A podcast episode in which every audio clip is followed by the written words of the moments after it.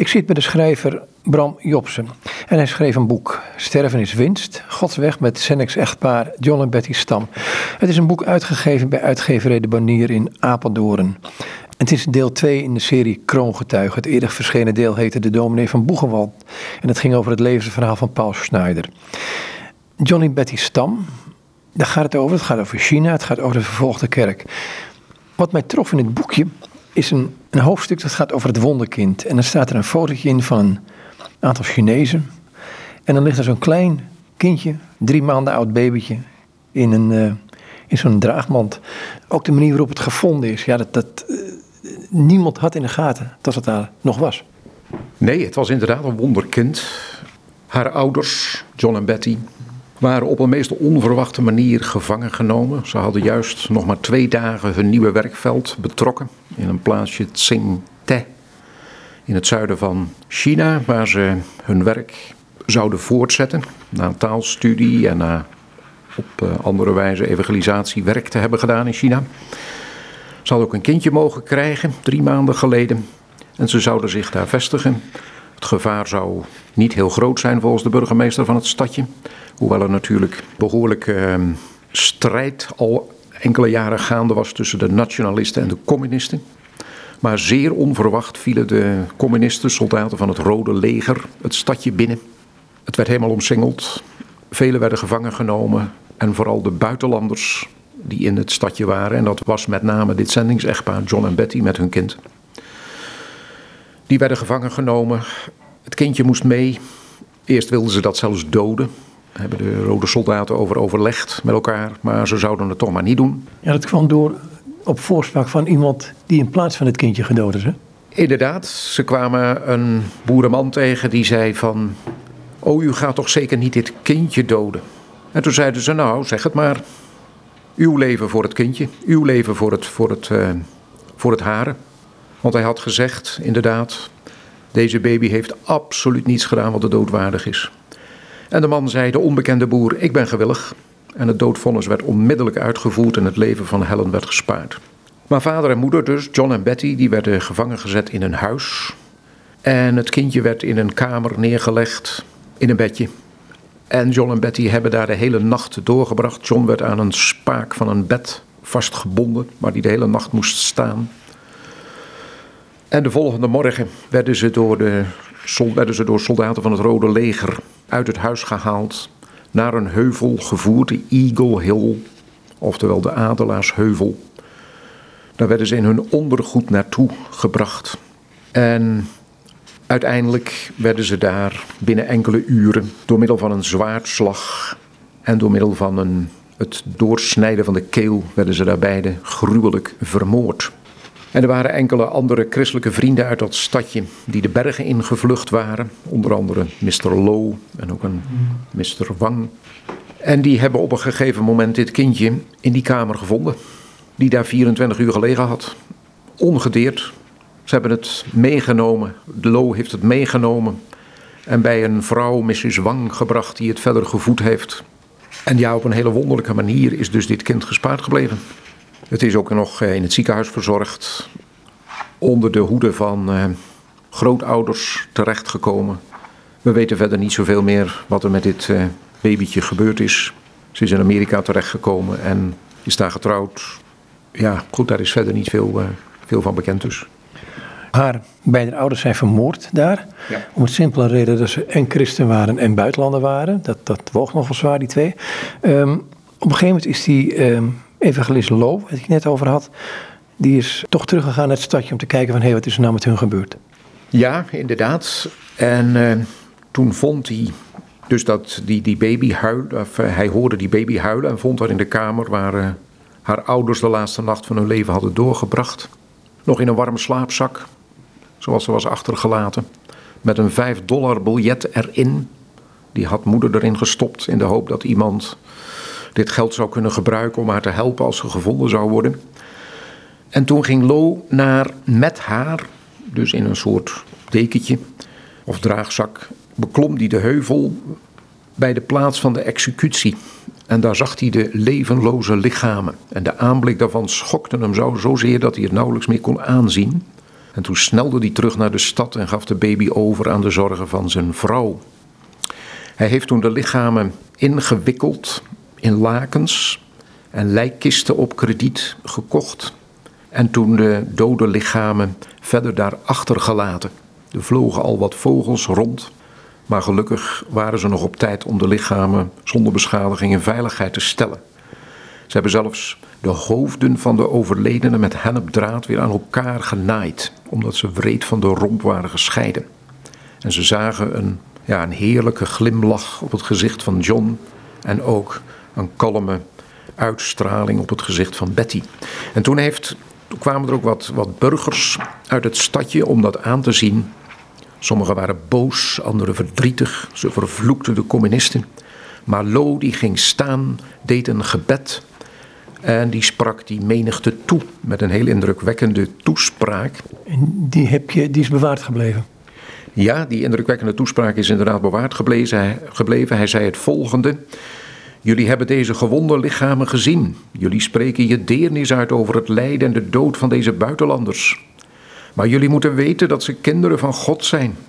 Hun geesten zijn ongedeerd. Ze zijn op dit ogenblik in de tegenwoordigheid van God. Ze kwamen naar China en naar Mia Osheo. Niet voor zichzelf, maar voor jullie, om te vertellen over God en zijn liefde. Opdat jullie zouden geloven in de Heer Jezus Christus en voor eeuwig behouden zouden worden. Jullie hebben deze boodschap gehoord. Denk er altijd aan dat die waar is. Hun dood bewijst het. Vergeet niet wat ze jullie gezegd hebben. Bekeert u en gelooft het evangelie. En we lezen dan een opmerkelijke reacties dat veel luisteraars gingen huilen. En dus was heel ongewoon voor Chinezen. Iemand anders zei, een evangelist, ik heb persoonlijk nog nooit iemand zien huilen in antwoord op een evangelieboodschap in China, maar hier wel. Waarom deze verandering en die gesmolten harten? Dit moest wel een bijzondere tentoonspreiding zijn van Gods macht en de waarheid van het evangelie.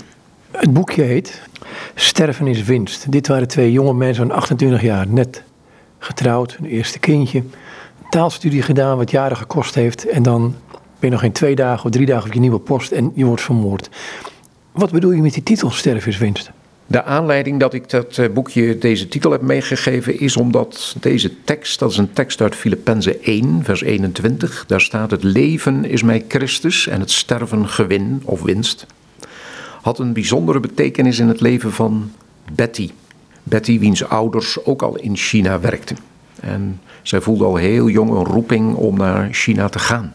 Wat ook de uitkomst daarvan zou zijn, want ze wisten dat er gevaar en risico aan verbonden was. Ze wisten dat er een hevige strijd gaande was tussen de communisten onder leiding van Mao Zedong en de nationalisten onder leiding van Chiang Kai-shek.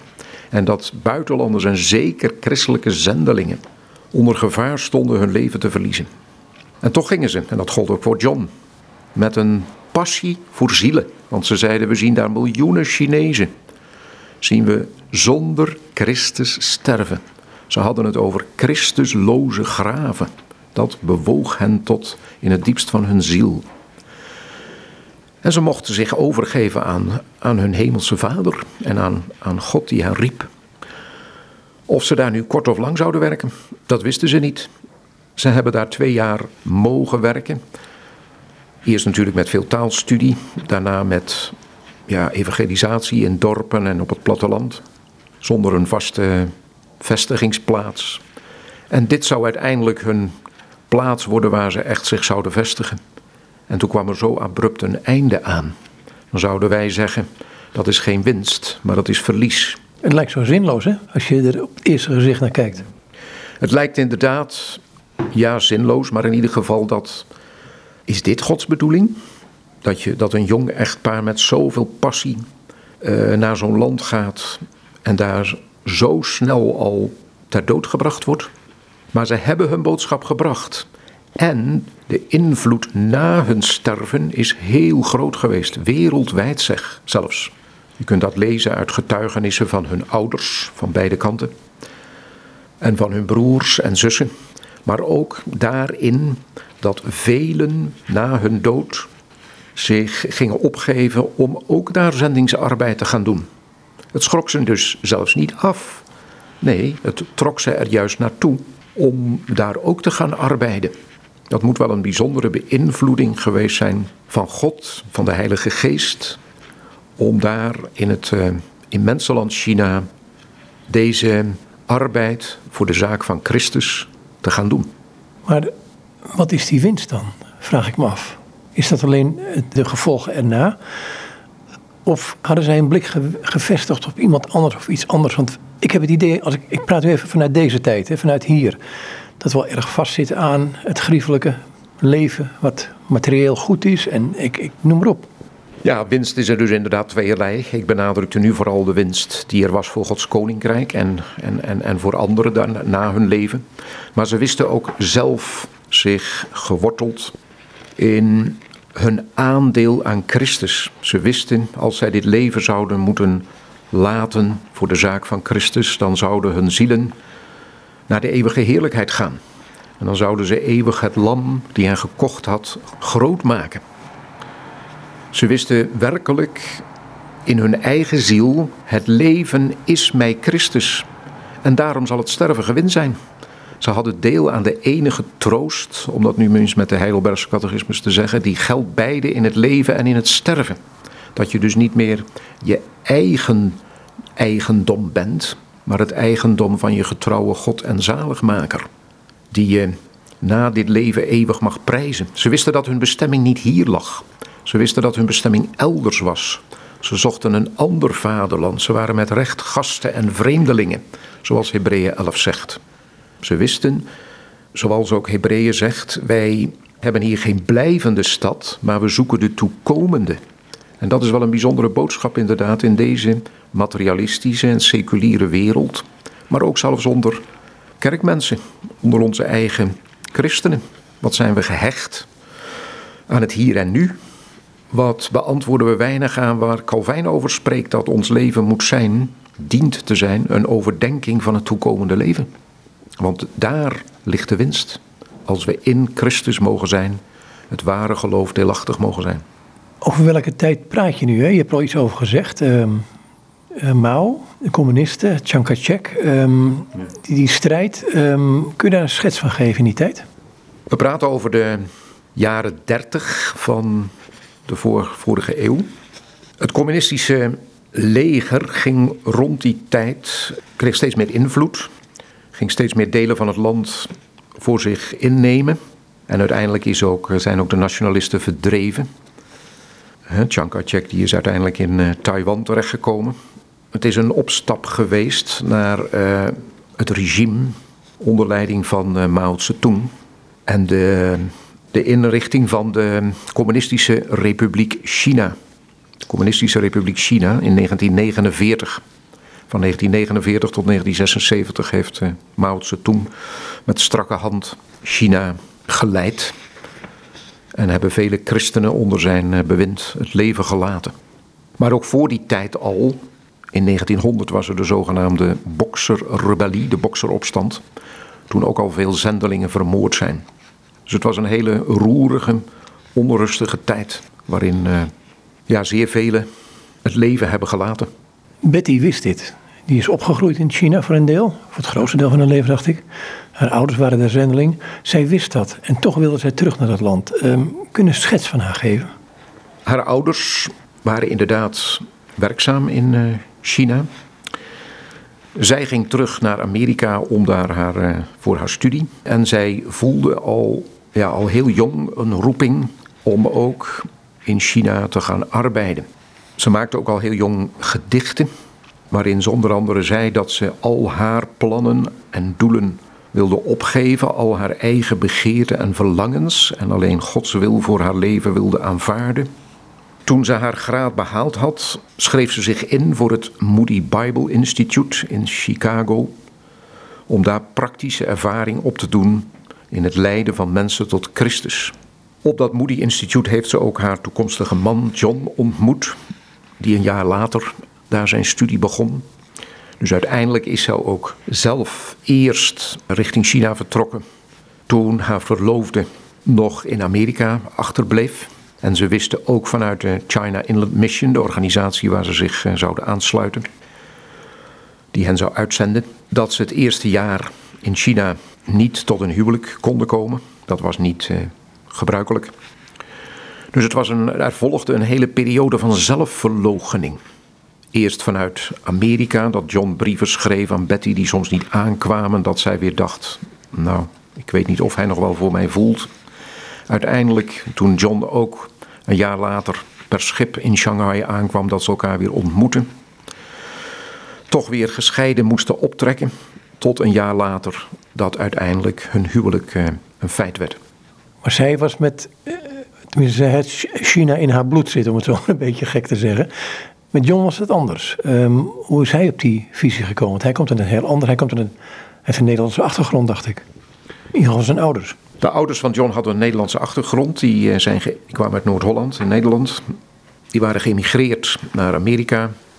De vader van John, Peter, die werd daar een soort evangelist, een soort voorganger van een, uh, van een christelijke gemeenschap, van een uh, Christian Reformed Church. Die deed ook veel aan evangelisatie, straatevangelisatie en op andere wijze evangelisatie. En die had eigenlijk gedacht dat zijn zoon hem wel daarin zou willen opvolgen. Totdat zijn zoon ging vertellen aan zijn vader, aan zijn ouders, dat hij zich, toen was hij 22 jaar, dat er een overtuiging in zijn hart was dat hij toch een buitenlandse zending moest gaan dienen. En hij ook bijzonder zich aangetrokken voelde tot het land China. Zijn eh, vader was het daar eerst niet mee eens, die protesteerde daartegen. Maar zijn besluit stond vast. Het was God, zei hij, die hem met kracht omgorden zijn weg volkomen heeft gemaakt. En hij wenste uitgezonden te worden naar het land China. Uiteindelijk heeft zijn vader zich daar ook uh, bij neergelegd. Dat hij toch ook blij was met het verlangen van zijn zoon naar de zendingsdienst. En heeft hij het uh, in Gods hand mogen overgeven. Misschien kunnen we twee stukken uit het boek lezen. Gewoon een brief van uh, Betty uit 1931. Ja, toen Betty haar zendingstraining beëindigde in 1931 en naar China mocht afreizen, schreef ze een getuigenis in een blad van de China Inland Mission de tegenwoordige OMF. En ze schreef daar: Als de dochter van een zendeling opgevoed in China heb ik altijd iets gezien van het heidendom. Maar hoewel ik de Heer als zaligmaker al zo vroeg kende dat ik mij niet een specifieke beslissing kan herinneren, volgden veel ervaringen en aanvechtingen voordat ik waarlijk de zaligmaker als mijn Heer mocht aannemen. Gedurende mijn schooljaren bad ik dat, indien het Gods wil zou zijn, niets me zo tegenhouden om naar China terug te keren als zendingswerker. Mijn ouders en anderen baden dit ook voor mij. Ik zelf deed dit gebed in 1925 in Keswick, waar ik deze tekst ontving. En dat is dan de tekst uit Filippenzen 1.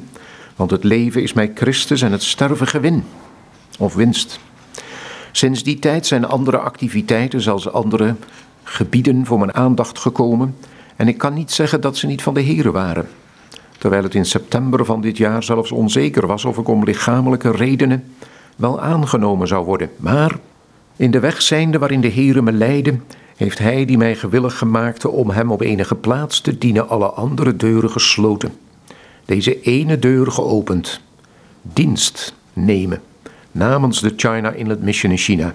Hierom prijs ik zijn naam, want ik heb China lief. Ik geloof dat het het meest behoeftige land is, juist nu nog behoeftiger dan ooit. Ik zal zijn getrouwheid vermelden, die groot is. Ik geloof dat het prijzen van de Heer het enige ding in de wereld is dat het waard is om te doen. En het prijzen van Hem houdt ook in het toebrengen van andere leden van zijn lichaam tot Hem, van degenen die nu nog in het heidendom zijn.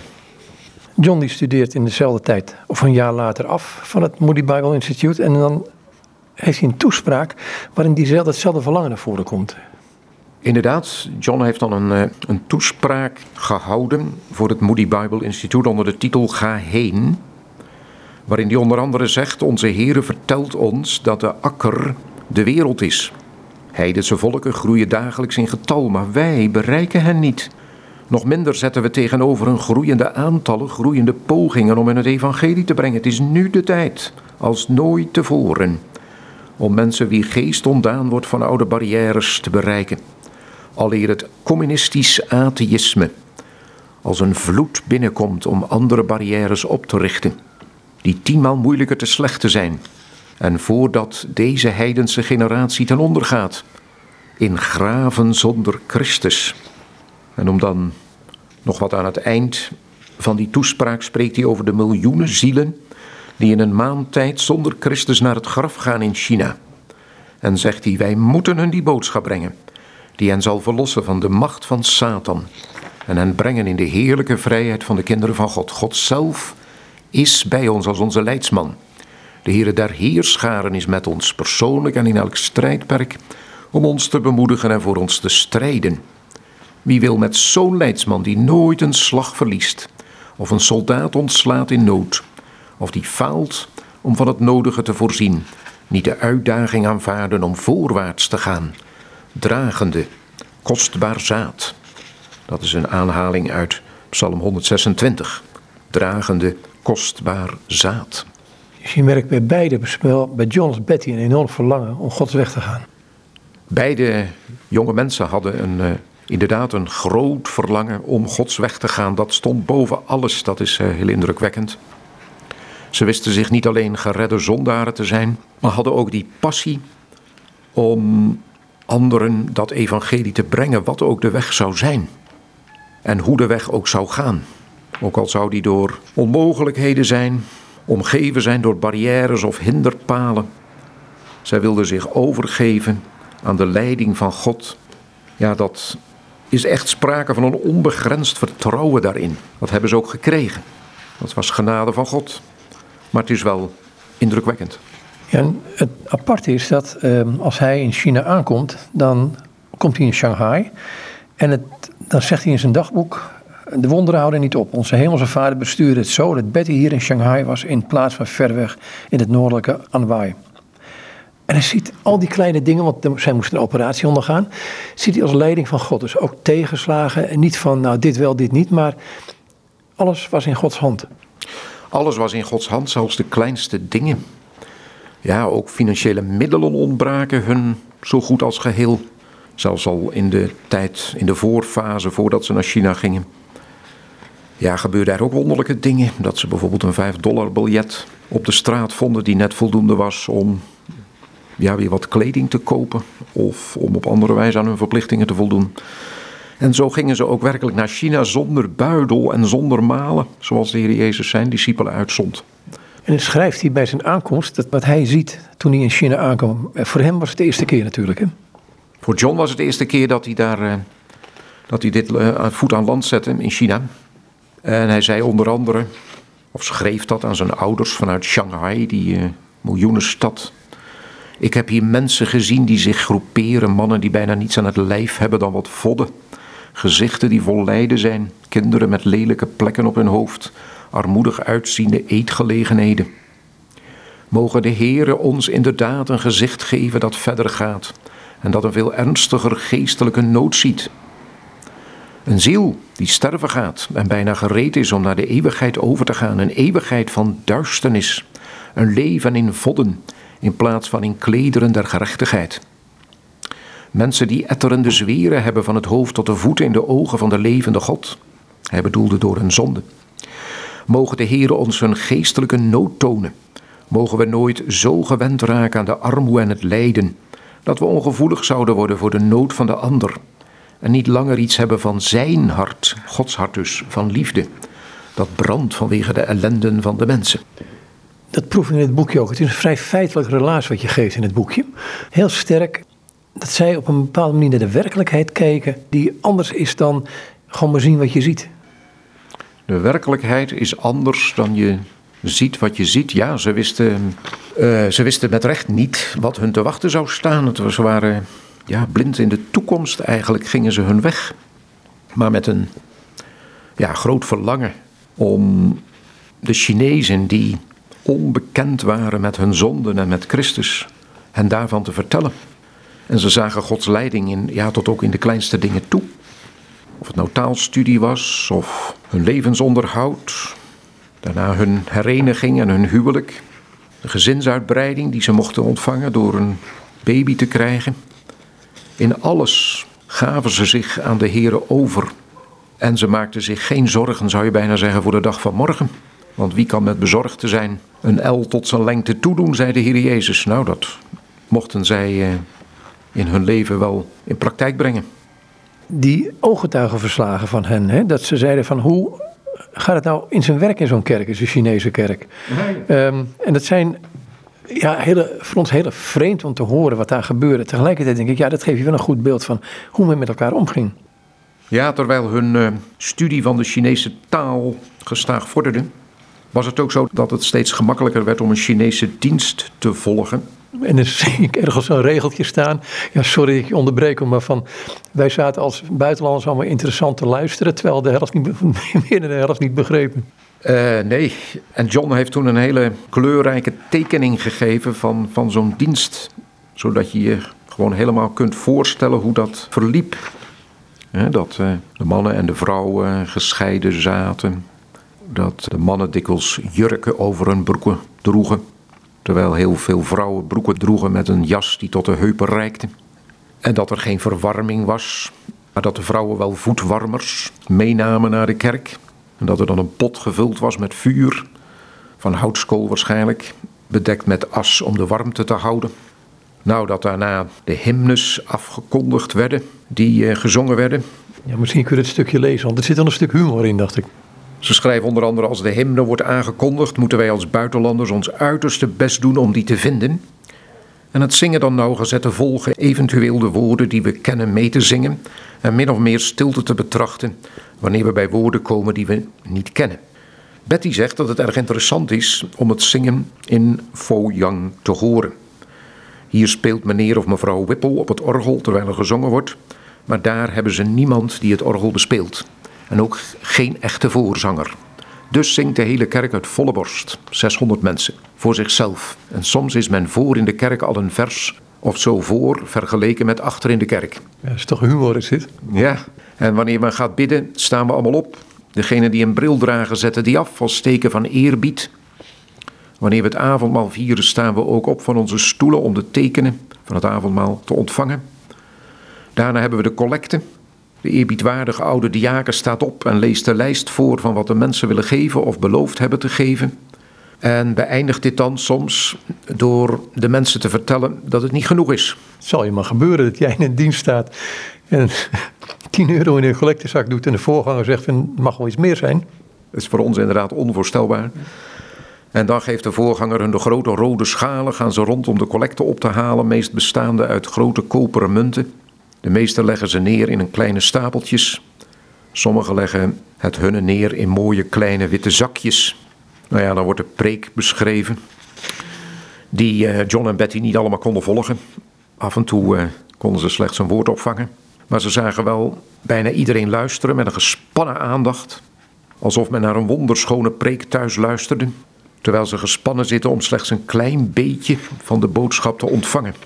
Dat gold voor eh, John en Betty. Ze schrijven zulke rijen met ernstige gezichten ziet iemand zelden. En na het gebed en de preek kunnen we gaan. De Chinezen zie je hun liedboeken en bijbels inpakken, in een soort zakdoeken doen, naar de ontvangstruimte gaan om thee te drinken of naar huis te gaan. Ondanks al deze verschillen is men er zich van bewust dat men in het huis van God is. Sommige Chinese vrouwen zie je spugen op de vloer. Of midden in de zomertijd zie je ineens iemand midden in de preek opstaan om met een waaier de stoel die nogal heet geworden is te bewerken. Maar ondanks dit alles, dit is het huis van God. En deze mensen zijn gekomen om hem te dienen. In wat voor een setting ehm, was hij daar? Ik bedoel, met, met betrekking van wat geloofden de mensen zelf? Er was voorouderverering onder andere. Um, er werden allerlei geesten aangeroepen als, het, uh, als de oogst mislukte of als een tijdje niet geregeld had, ik noem maar wat. Ja, het publiek wat ze ontmoeten was natuurlijk heel verschillend. Hier wordt een kerkdienst beschreven waar toch uh, christenen samenkwamen.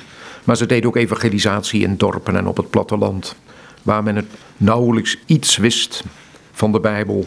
Ergens staat ook dat hij hen eenvoudig moest gaan vertellen over onze oorspronkelijke staat. Dat betekent de staat waarin we vanuit zoals we geschapen zijn. Gaan vertellen over dat de mens tegen een oneindig en heilig God had gezondigd. En dat er behoudenis was in het offer van zijn zoon Jezus Christus. Maar dat was deze mensen volslagen onbekend. En, ja, en ze deden het op hoop van zegen. En ze geloofden ook dat het woord niet leeg zou weer, wederkeren, zoals Jezaja zegt. Maar dat het zou doen wat God behaagde. Dat God de Heilige Geest dit hun eenvoudige pogingen ook zou kunnen zegenen om mensenharten, ook van Chinezen, te bewegen om tot geloof te komen. Op een gegeven moment is er het huwelijk van John en Betty in, in China. Ze maken een huwelijksreis. Maar hij beschrijft ook dan dat die gevaarlijke momenten door de bergen heen, als um, hij liever had dat Betty niet in een stoel gedragen werd, maar gewoon zelf liep, want er liep een jongen als drager die het niet echt goed kon. En een oude man die uh, onder de opium zat, om zo te zeggen. Ja, inderdaad, het reizen was ook best uh, heel riskant. Vaak moesten ze reizen door de bergen, langs ravijnen. En dan moest een groot deel van de reis, Betty, moest dan uh, in een draagstoel zitten. En daar waren dragers voor nodig. En dat was een riskante aangelegenheid. Want een van die dragers staat hier was een kortademige oudere man die al lange tijd opium verslaafd was geweest. En de andere een tiener die eigenlijk niet opgewassen was tegen zijn taak. En John beschrijft dat dan in een brief, hoe dat dat toeging. Die mooie dag waarin ze reisden met de massieve heuvels en bergen om zich heen. Prachtig. Maar om de provincie uit te gaan moesten ze een bergpas beklimmen. De reis ging niet slecht wat de beklimming betrof. Toen ging het aardig goed. Maar toen moesten ze daarna een afdaling doen van drie kilometer van de top naar de voet van de berg. En dat was bepaald wat angstig. Want toen Betty zag hoe de andere kant eruit zag, gaf ze de voorkeur om naar beneden te lopen in plaats van uit te glijden in de stoel. Maar op een gegeven moment ging ze toch weer in de stoel zitten. En John schrijft: Geloof me dat ik toen gebeden heb. Twee dragers zoals deze, niet de meest professionele dus, en dan zo'n afdaling. Op plaatsen waar het pad versmalde ging de voorste man naar beneden terwijl de achterste naar, naar boven ging. Met Betty die in de stoel recht boven de afgrond, recht boven het ravijn hing. Ik liep vlak achter de achterste man en gooide een keer mijn stok weg om de palen vast te grijpen toen die een beetje uitgleed. Ik slaakte een zucht van verlichting toen we beneden waren. Na die lange, zware dag van half acht s morgens tot zeven uur s avonds. Het reizen was ook vaak heel vermoeiend en risicovol. Het is nog, het is nog misschien maar een beetje een raar woord dat ik nu gebruik, maar ouderwets zendingswerk dit. Het was echt zendingswerk, het was pionierswerk. niet voor niets noemen wij ook het zendingsechtpaar. En ze werd ook uitgezonden door de China Inland Mission, de Chinese inlandse zending.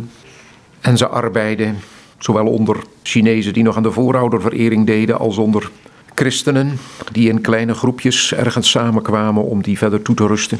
Het was heel uh, divers, hun arbeid. Ik ga naar een stuk over de laatste dagen toe. Um, dan begint het hoofdstuk met op vijf kruiwagens het huisraad van John en Betty vervoerd naar Qingte. Dat ruim 100 kilometer bij Xuancheng vandaan ligt. 22 november vertrekken ze dus naar de plek waar ze gaan werken. Op 25 november een eerste kerkdienst maken ze mee. Um, ze beschrijven wat van de mensen, beschrijf je erin. En dan op 5 december schrijft John nog aan zijn familie. Um, en dat is een van de laatste brieven toch geworden, gek genoeg. Uh, zonder dat hij dat wist, want uh, zes, uh, de dag erna kwam het Rode Leger binnenvallen. Um, kun je dat stukje nog lezen? Ja, toen ze aangekomen waren, schreef John aan zijn familie op 5 december: Ik heb de straatkapel geopend nadat we hier vijf nachten waren. Had tot nu toe een redelijk opmerkzaam gehoor. Bid voor ons. We bevinden ons hier zeker aan het begin van iets nieuws. De mensen hier lijken erg vriendelijk te zijn. Verschillende mannen zijn binnen geweest met wie ik een goed gesprek mocht hebben. God helpen ons om de schriften voor hen te openen. En aan vrienden schreef hij in een brief: De dingen gaan altijd anders dan iemand verwacht. Kun je wel stellen, ja, wat er daarna volgt. Dat leek een profetische betekenis te hebben. De Heere helpt ons, schreef John, om geheel tevreden te zijn, wat hij ook op onze weg brengt vandaag. Of onze verwachtingen voor studie of werk gerealiseerd zullen worden of niet, mogen Hij ons helpen om met zijn plan voor vandaag tevreden te zijn. Zoals Hij het voor ons ontvouwt. Noem het een schouwspel. Dat staat ook in de Bijbel, in 1 Korinthe 4, vers 9. Dat we een schouwspel geworden zijn waarnaar anderen komen kijken. Indien u ooit naar een buitenlands zendingsveld gaat, zult u weten wat dat betekent.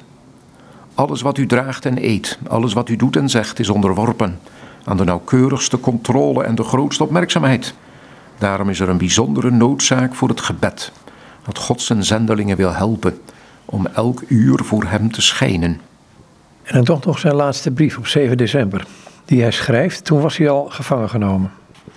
Ja, inderdaad. Hij heeft twee brieven geschreven na zijn gevangenname aan de China Inland Mission die in eh, Shanghai was gevestigd. Op 6 december heeft hij een brief geschreven dat ze in handen waren gevallen van de communisten. En 20.000 dollar voor hun vrijlating werd gevraagd. Hij was er niet zeker van of die brief al aangekomen was en schreef de volgende dag. Dat kon nog net tussendoor, hoewel het onbegrijpelijk is hoe hij dat heeft kunnen realiseren. Opnieuw een brief aan de organisatie. Geliefde broeders, we zijn hier in handen van de communisten, overgebracht vanuit Tsingteh. Toen ze daar gisteren doorheen trokken. Ik heb geprobeerd hen ervan te overtuigen om mijn vrouw en baby uit Tsingteh te laten gaan met een brief aan u. Maar ze wilden haar niet laten gaan. En zo maakten we vandaag beide de reis naar Mia Oshio. Ze stonden mevrouw toe een deel van de weg te paard te reizen. Ze eisten 20.000 dollar voor onze vrijlating. Wij vertelden hun dat we zeker weten dat dit bedrag niet betaald zal worden. Ze ontnamen ons het geld dat we beschikbaar hadden voor humanitaire hulp, de contanten en overige bezittingen. God geven u wijsheid in wat u moet doen en geven ons genade en standvastigheid. Hij is machtig, de uwe in hem, John Stam.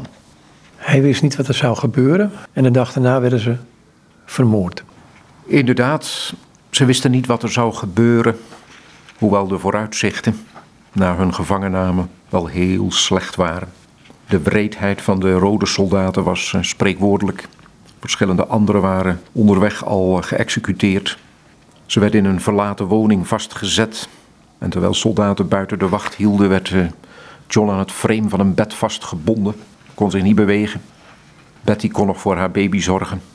Ze kon de pijn van haar man niet verlichten, maar het was toch opmerkelijk dat ze toch hun lot en dat van hun kind in de handen van de Heer mochten overgeven. Ook al wisten ze niet wat er met hen gebeuren zou, wie hen redden zou, of ze het er nog levend af zouden brengen. Ja, het zijn uren geweest waarin we niet weten wat er tussen die twee is gepasseerd. Maar heel opmerkelijk staat er dat ze gewijd zijn aan Hem, aan Christus, die uit liefde voor ons lange uren in duisternis aan een kruis gehangen heeft. En ja, toen zaterdagmorgen vroeg werden ze gelast om zich uit te kleden tot op hun ondergoed, vastgebonden aan met een touw, bevolen voor de soldaten uit te lopen. Ze marcheerden met hen door de, straten van het dorpje, riepen de bevolking op om naar de executie van die buitenlandse duivels te komen kijken. En zo werden ze de heuvel opgevoerd, de Eagle Hill, de Adelaarsheuvel, waar de soldaten zelfs nog een toespraak hielden waarin ze niet schroomden om de gruwelen van buitenlanders en hun slechte invloed aan de kaak te stellen. Toen werd John bevolen te knielen en sneed een van de soldaten met een groot mes zijn keel door. Betty huiverde, knielde ook neer en een ogenblik later spleet een groot zwaard ook haar nek. Daarna vertrokken de soldaten, ze lieten de lichamen van de zendelingen onbeheerd te midden van een bosje pijnbomen achter. Onvoorstelbaar. Wat een afschuw en wat een verdriet bracht teweeg bij de burgers van de stad. Maar deze twee geliefde zendelingen mochten ingaan in de heerlijkheid van de grote koning van zijn kerk. Is dat het uitzicht wat zij hadden, wat door het hele boekje heen getrokken is? Dat is een uitzicht wat zij hadden al reeds van jongs af. Ook met een uh, bijzondere mate van zekerheid en vertrouwen, waar je wel jaloers op kunt zijn. Daarbij ook nog een, uh, een passie om uh, hun leven, of dat nu lang of kort zou zijn, in dienst van de grote koning te besteden. Maar ook wetend dat als hun leven hier zouden eindigen, het in de eindeloze eeuwigheid zou doorgaan en ze niets anders dan zouden doen dan het lam dat voor hen geslacht was alle lof en eer toe te brengen. Er staat zo'n stukje in over die wereldwijde invloed. Ehm, de vader van John uh, die kreeg een, een, bericht van iemand die zei van herinner je, u gaf John aan God niet aan China. En de moeder van Betty schreef het volgende aan vrienden. Misschien kun je dat lezen vanaf het moment dat ze zei van uh, toen het telegram kwam, dat stukje. Toen het telegram kwam donderdagavond met de mededeling dat Betty en John bij de heren waren, hebben we niet getreurd als degene die geen hoop hebben. Maar we konden niet anders dan voelen dat een grote zegening voor de zaak van Christus hier in China mocht komen. Vooral waar hun martelaarschap bekend zou worden. We kunnen niet anders dan ons verheugen dat zij waardig geacht zijn om voor zijn zaak te lijden. We kunnen niet treuren voor hen dat ze zo vroeg, zo jong, verlost zijn van alle aardse beproevingen en ingegaan zijn in de heerlijkheid die bereid is voor degenen die hem geheel toebehoren. Zij hebben er niet naar gezocht om verlost te worden van nog langer in deze donkere wereld te arbeiden. Maar de Heere moet het goed gevonden hebben dat hun werk hier voltooid was. En dat hun gewilligheid om te sterven voor hem een grote, grotere oogst van zielen zou voortbrengen dan indien ze nog vele jaren langer geleefd hadden. Het wordt op onze harten gebracht door vele Chinese en buitenlandse vrienden. Dat de tarwekorrel die sterft veel vrucht voortbrengt.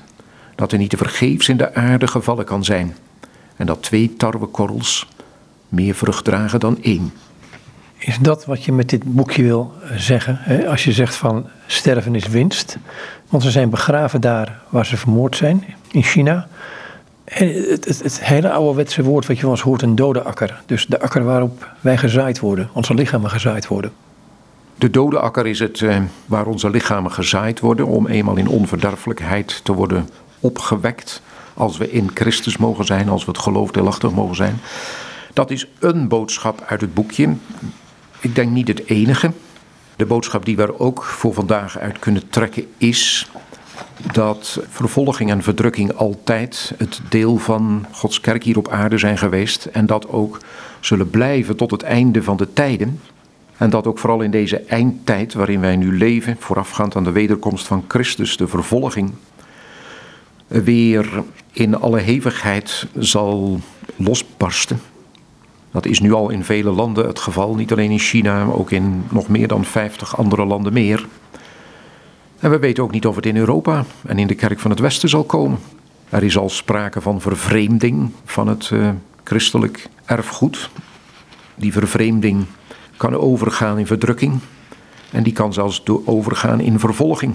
De drie V's, zoals wel eens door iemand is eh, benoemd: vervreemding, verdrukking, vervolging.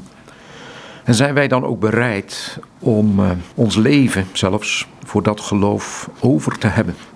En zijn wij dan ook voorbereid op de wederkomst van Christus? En leven wij uit dat verlangen? John had over het bereid zijn, maar ook de, ben je bevreesd. En naar aanleiding van een gedicht dat een andere zendeling had geschreven, die bruut vermoord werd in datzelfde China, heeft hij vertaald en heeft hij nog kort voor zijn dood aan zijn vader gestuurd. Inderdaad, hij heeft een uh, gedicht van een uh, andere zendeling vertaald in het Nederlands. Ik heb dat alleen maar in het Nederlands ook gevonden in een uh, oude uitgave van de Monisa-zending. En het luidt als volgt, vrij vertaald: Bevreesd, waarvoor? Om de heerlijke bevrijding van de geest te smaken, om van pijn tot volmaakte vrede te geraken en de moeite van het leven te verzaken. Bevreesd, daarvoor. Bevreesd, waarvoor? Om te zien het gezicht van de bruidegom, om te horen zijn heerlijk welkom te zien de zalige glans van zijn wond? Bevreesd daarvoor? Bevreesd waarvoor? Een flits, een schot, een hart doorboord, donker licht, o hemels oord, zalige glans van zijn genadige wonderen? Bevreesd daarvoor? Bevreesd waarvoor? Dat wat je leven niet kon, je dood nu doet, een steenachtige grond gedoopt met je bloed, tot zielen opbloeien op dat goed, bevreesd daarvoor. Indrukwekkend gedicht. Dat gedicht staat in een artikel en dat eindigt met de volgende woorden. Het is lang geleden dat een gebeurtenis op de zendingsvelden zo'n brede en diepgaande indruk op dit land gemaakt heeft. We geloven dat John en Betty Stam door hun dood zelfs duidelijker gesproken hebben dan door hun korte leven van toegewijde dienst. Laat niemand dit eindigen van hun aardse loopbaan een tragedie noemen, want in werkelijkheid is het een zegepraal het brengt het oude zegel van de edele Moravische broederschap in onze gedachten. Dat bestaat uit een lam op een karmozijnrode achtergrond, samen met het kruis van de opstanding en de banier van de overwinning. Daaronder staat in het Latijn het motto dat vertaald luidt: Ons lam heeft overwonnen. Laat ons hem volgen.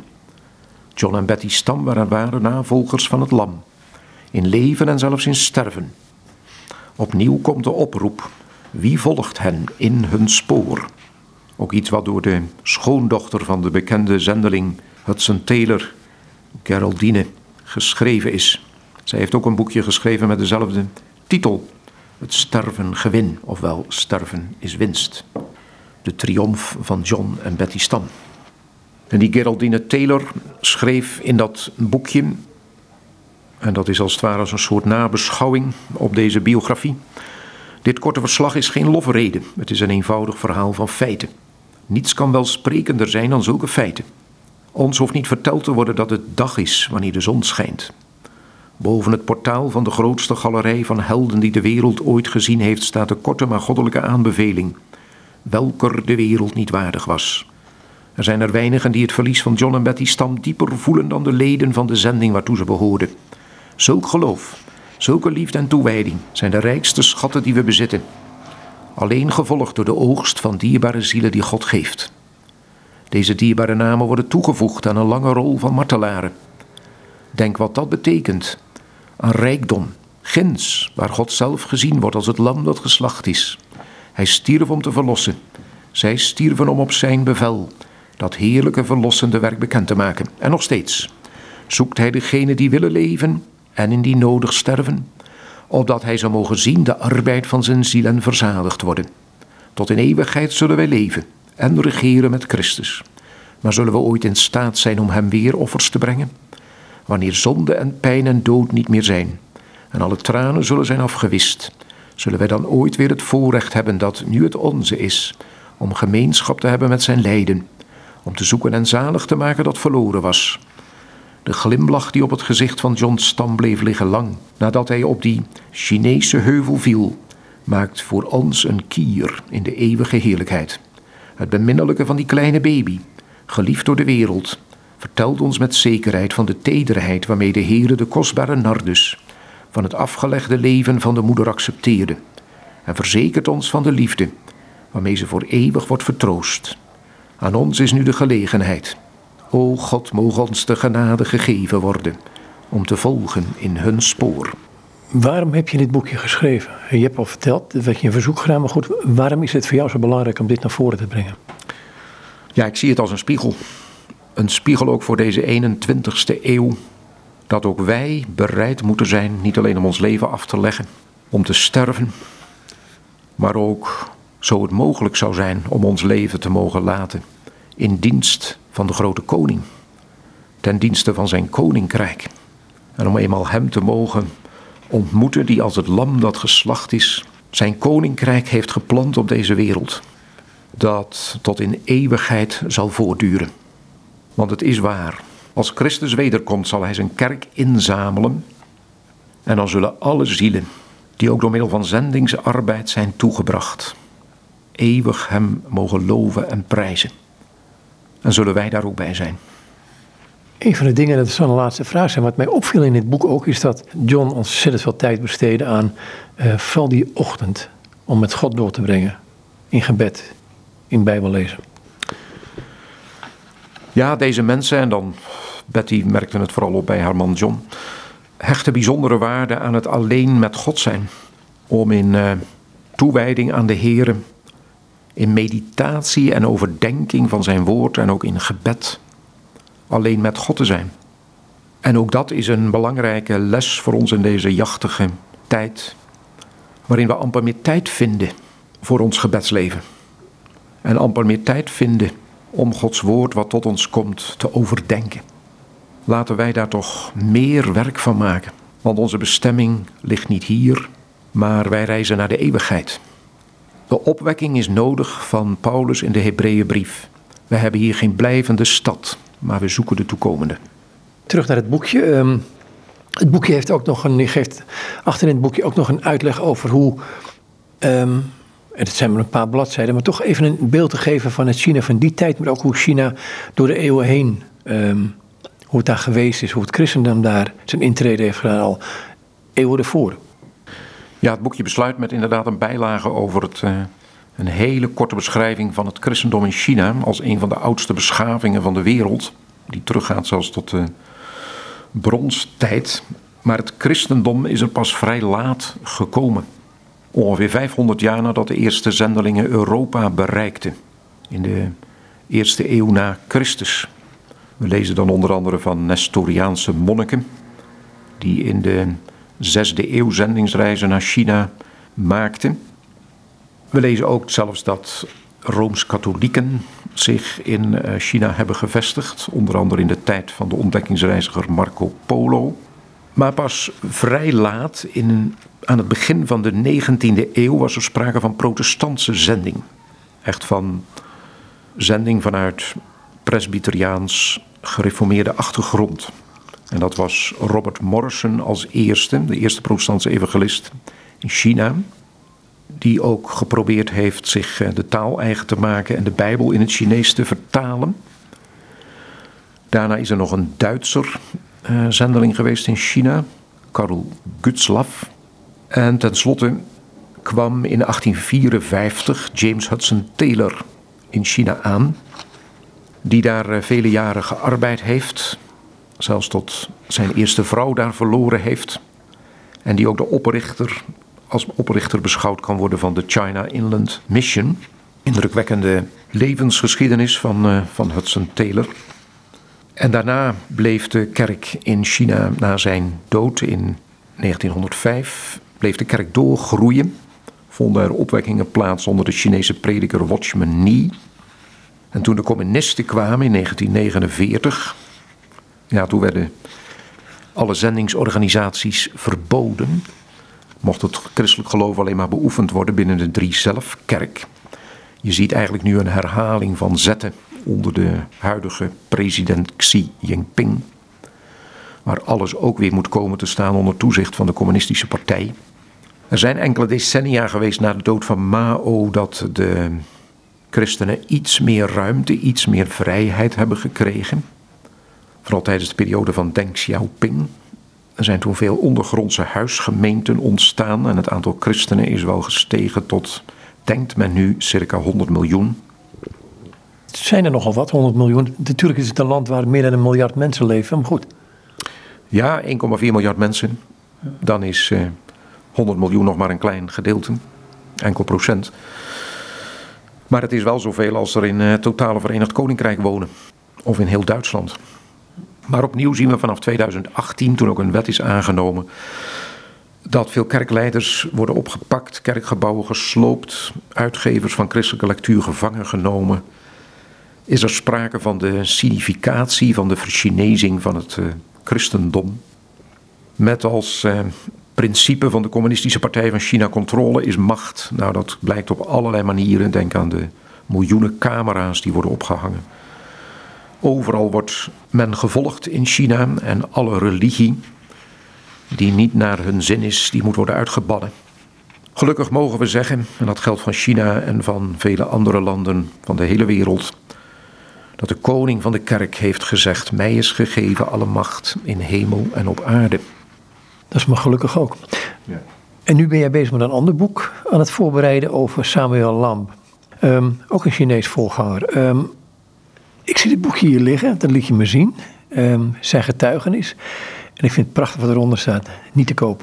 Het zal niet bedoeld zijn vanwege hem, maar hij was niet te koop. Hij was werkelijk een man gods die een groot deel van zijn leven in de gevangenis heeft gezeten. Ja, het boekje wat ik nu aan het eh, voorbereiden ben is de biografie van Samuel Lamb. Dat is een man die 88 jaar is geworden en bijna 60 jaar uh, heeft mogen dienen in Gods koninkrijk. Hoewel daarvan 21 jaar doorgebracht in Chinese strafkampen. Maar ook daar heeft hij Gods woord, op welke manier dan ook, proberen aan de man te brengen. En is hij dienstbaar geweest ten behoeve van Gods koninkrijk. Hij heeft dus een heel lang leven in godsdienst mogen besteden. En ook dat is tot grote zegen geweest. Van hem mocht gelden wat we lezen in Openbaring 14. Dat hij behoorde tot hen die het lam zullen volgen, waar het ook heen gaat. Dat is je nieuwe project, wat ook in deze serie uit gaat komen, Kroongetuigen. Um, mocht u wel je bedanken voor dit gesprek. Hartelijk dank ook en voor de aandacht die er uh, op deze wijze ook aan uh, dit boekje en deze geschiedenis uh, gegeven wordt. Spreekt blijkbaar een belangrijke boodschap uit dit boekje en uit deze serie van kroongetuigen wou ik zeggen. Goed, en dit zei Bram Jobsen. En hij schreef het boekje Sterven is winst. Gods wegen met Sennings echtpaar John en Betty Stam. Het is een boekje inderdaad in de serie Kroongetuigen. Eerder verscheen het boekje van Adrianus Goedhart. De dominee van Boegenwald, het levensverhaal van Paul Schneider in dezelfde serie. Het is trouwens uitgegeven uitgeverij De Banier in Apeldoorn. Goed, nogmaals, tot zover dit gesprek met Bram Jopsen.